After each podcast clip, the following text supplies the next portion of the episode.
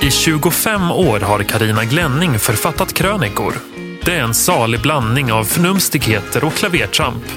I podden Glennings gliringar läser Karina en handfull av dessa per avsnitt. Mycket nöje! God dag i stugan. Välkomna till avsnitt 49 av Glennings gliringar där jag letar efter en stor, stark, snygg kar med genitalierna i behåll men där jag också berättar att det är synd om männen på riktigt.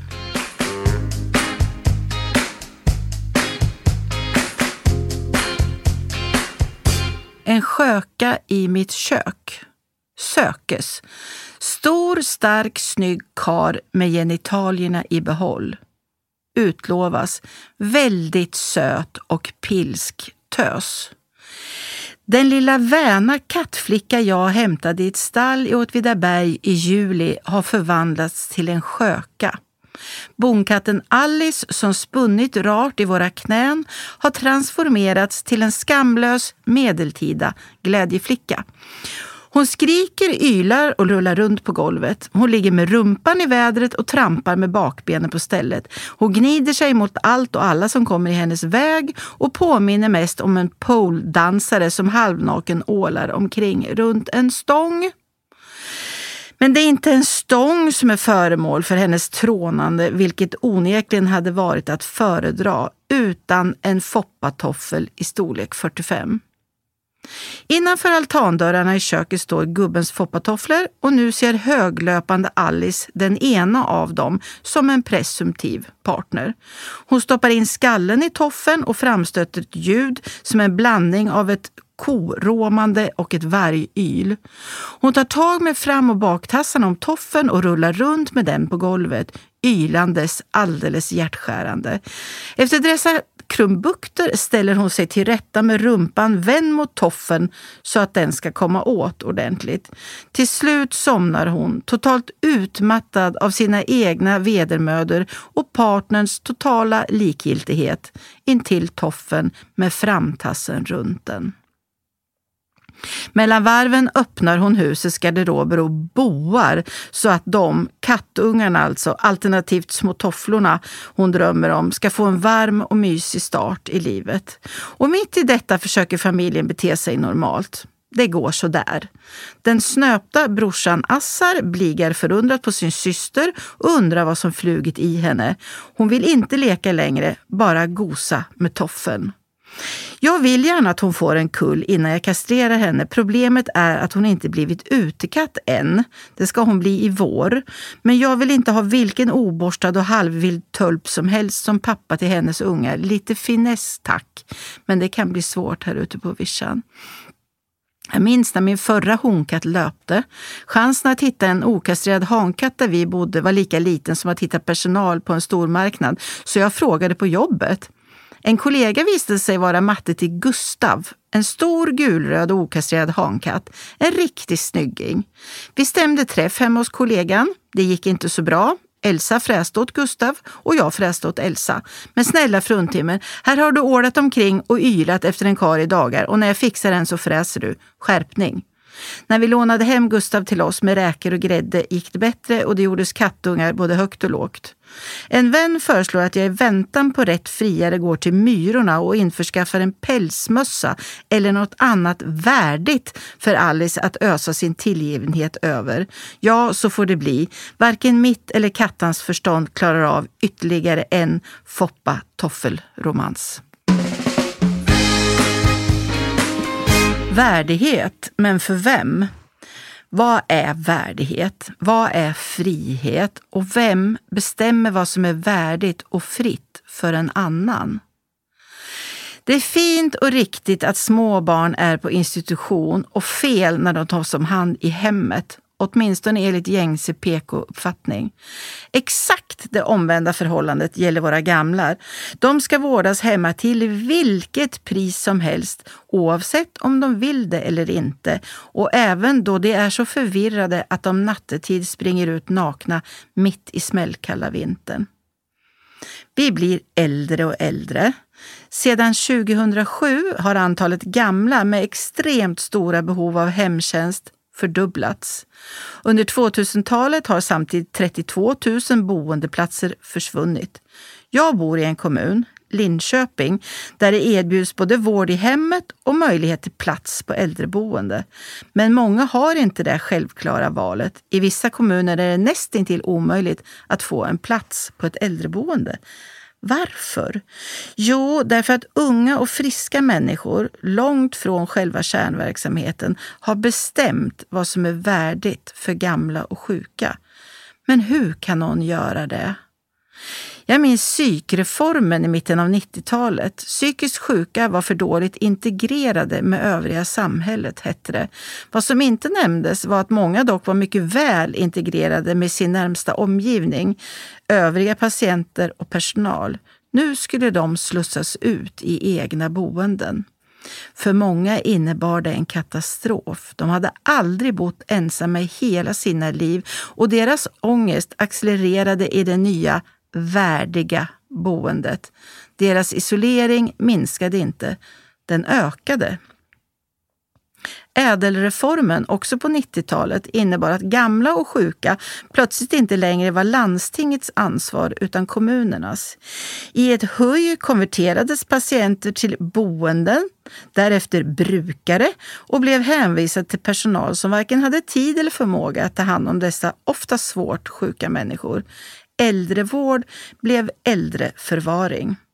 Självklart ska de som vill få vård hemma, men när kroppen och knoppen sviker kan hemmet förvandlas till ett fängelse, medan äldreboendet innebär trygghet och därmed frihet. Precis som lärarna har undersköterskorna överösts med dokumentation som tar allt mer tid i anspråk.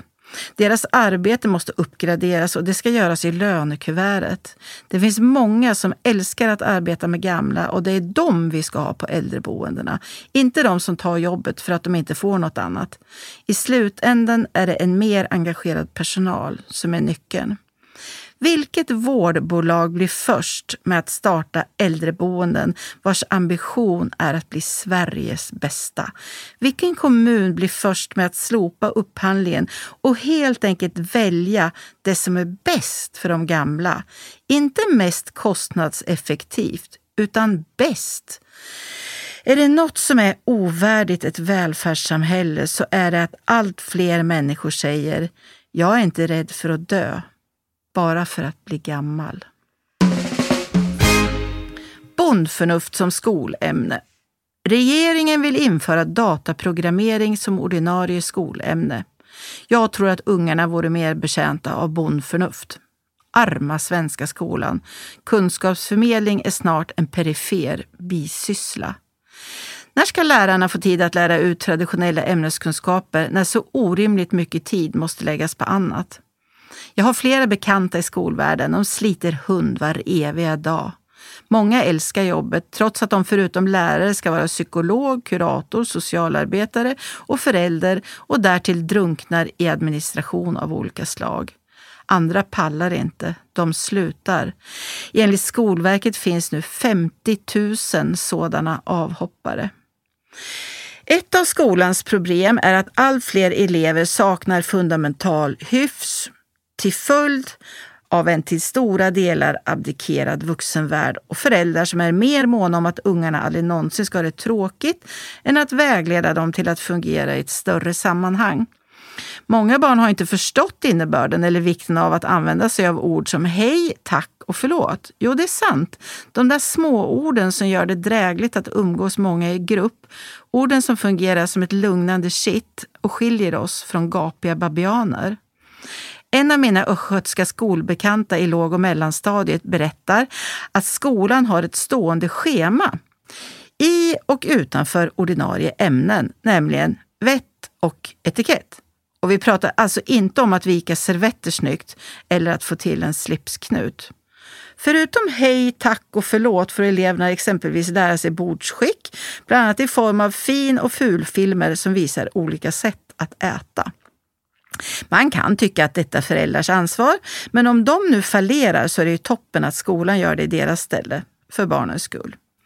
Mot bakgrund av att bondförnuft blivit en efterfrågad bristvara kan man undra om det verkligen brinner i knutarna att lära ungarna dataprogrammering.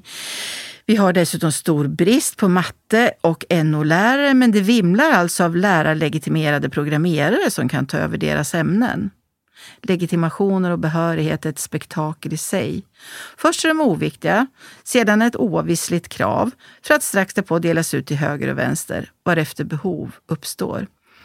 Kanske är programmering helt rätt i tiden, vad vet jag arma gamla människa. Fast å andra sidan, om man inte lärt sig innebörden av hej, tack och förlåt, om man aldrig lärt sig säga kan jag få istället för jag ska ha, om man aldrig tagit någon i hand och sett den man pratar med i ögonen, aldrig lärt sig hur man uppträder vid en anställningsintervju eller hur man äter, så spelar det väl ingen roll om man lämnar skolan som en superprogrammerare. Vem ska stå ut med en? Att programmera själva eleverna känns mer brådskande än att lära dem programmering av en dator.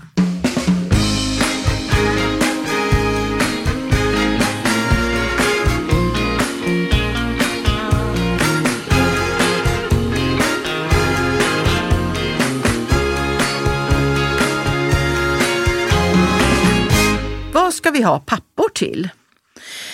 När Försäkringskassan en gång om året redovisar könsfördelningen av uttagna föräldradagar blir det alltid ett herrans liv. Den visar att mammorna tar ut fler dagar än pappor. Hu så hemskt! Upprördheten är tröttsam av två skäl. För det första är det så att kvinnor och män på gruppnivå väljer en aning olika, prioriterar annorlunda. Ja, detta kan vi inte acceptera. Kön är bara en social konstruktion och väljer man traditionellt så är man offer för strukturer. Hu så hemskt! För det andra, varför gafflas det bara om barnets första år? Är resterande 17 oviktiga. Jag vet mängder av papper som lägger ner oändligt mycket tid på exempelvis skjutsning och sina barns träning. Det kvittar, var de inte hemma exakt halva tiden under första året under anknytningen är de per automatik dåliga papper. Hur så hemskt! Ensamstående kvinnor ska från 1 april få statens hjälp med insemination. Nu är pappor plötsligt helt betydelselösa. Ja, annat än att få lämna sperma i en kopp då. Men vänta nu, de ensamstående männen då? Hur ska de få barn? Svensk jämställdhet är ett skämt, totalt enögd. Vi kan inte gapa om millimeterrättvisa när det gäller exempelvis föräldradagar och antal kvinnliga brandmän samtidigt som vi förvägrar män att precis som kvinnor ha möjlighet att ensamma få barn. Män har dessutom inte möjligheten att gå på krogen och råka bli med barn, välja att föda det och sen vägra avslöja vem partnern är. Den möjligheten har kvinnor haft och utnyttjat sedan urminnes tider, även om det inte sägs högt. Män som inte skyddar sig får skylla sig själva. Hur så hemskt! Att en kvinna skulle kunna ljuga om att hon skyddar sig? Nej, hur så hemskt! Sånt existerar självfallet inte.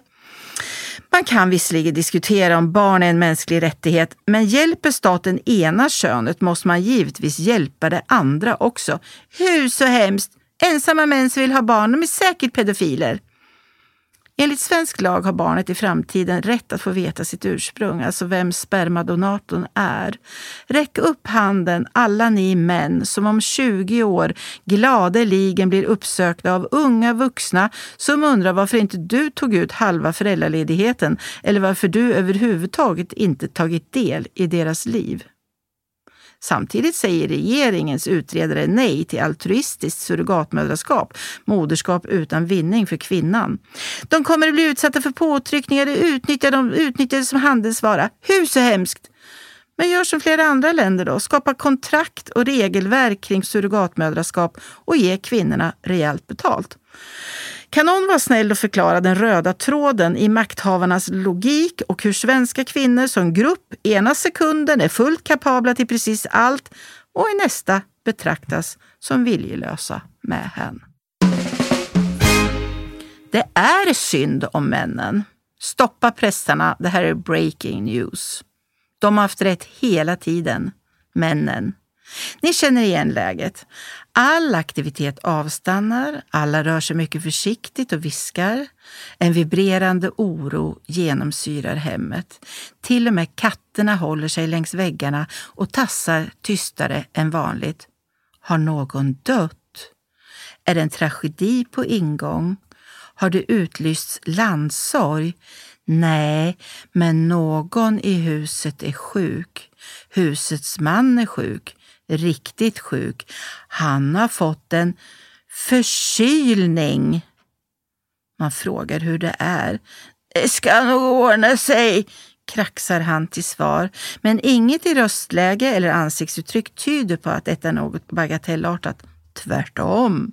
Hans åkomma är värre än alla de som resten av hushållet sammantaget har brottats med. Vi andra har ingen aning om vad han just genomlider. Han är svag. Mycket svag.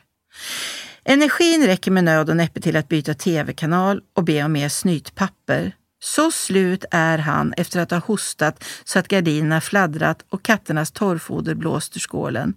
Allt sker på högsta volym hostningar, harklingar, snytningar. Ingen får undgå denna akut situation. Arma kar. Ska man lägga honom i framstupa sidoläge och ringa 112 eller räcker det med mera Neseril? Man inser att det här med en förlossning, att bokstavligt under många timmar uppleva att man ska spricka inte bara mellan naveln och korsryggen utan även rakt igenom hela kroppen, det är en västanfläkt. Och nu visar det sig att männen haft rätt. Deras förkylningar är verkligen värre än kvinnornas. Det har forskare vid John Hopkins universitetet i Baltimore i USA funnit. Orsaken sägs vara att män har ett större antal temperaturrelaterade receptorer i hjärnan, vilket gör att de upplever förkylningssymptomen som mer kritiska än vad kvinnor gör. Aha, de upplever att de mår sämre, men gör det egentligen inte. Det är bara så att deras kroppar är mer korkade än kvinnors. Enligt forskarna fungerar östrogen som medicin mot vissa varianter av virus. Citat. Vi ser en medicinsk potential i det vi hittat. Östrogenbehandlingar används bland annat för att behandla infertilitet och klimakterieproblem och det kan även skydda mot influensa, säger studieledaren Sabra Klein till Daily Mail. Oj, oj, oj, vad ska hända nu? Ska mäns förkylningar börja betraktas som en pandemi och massvaccinationer med östrogen införas? Vad händer då? Ska de börja älta saker till förbannelse? Ska de plötsligt få starka åsikter om gardinval och tapetmönster? Ockupera badrummet i timmar? Ha pedikyr istället för att byta däck på bilen? Baka vaniljhjärtan istället för att skotta snö? Ska de bli snarstuckna klimakteriekärringar istället för förkylda surgubbar? Nej, bevare mig väl. Då tar jag hellre en döende gubbe då och då.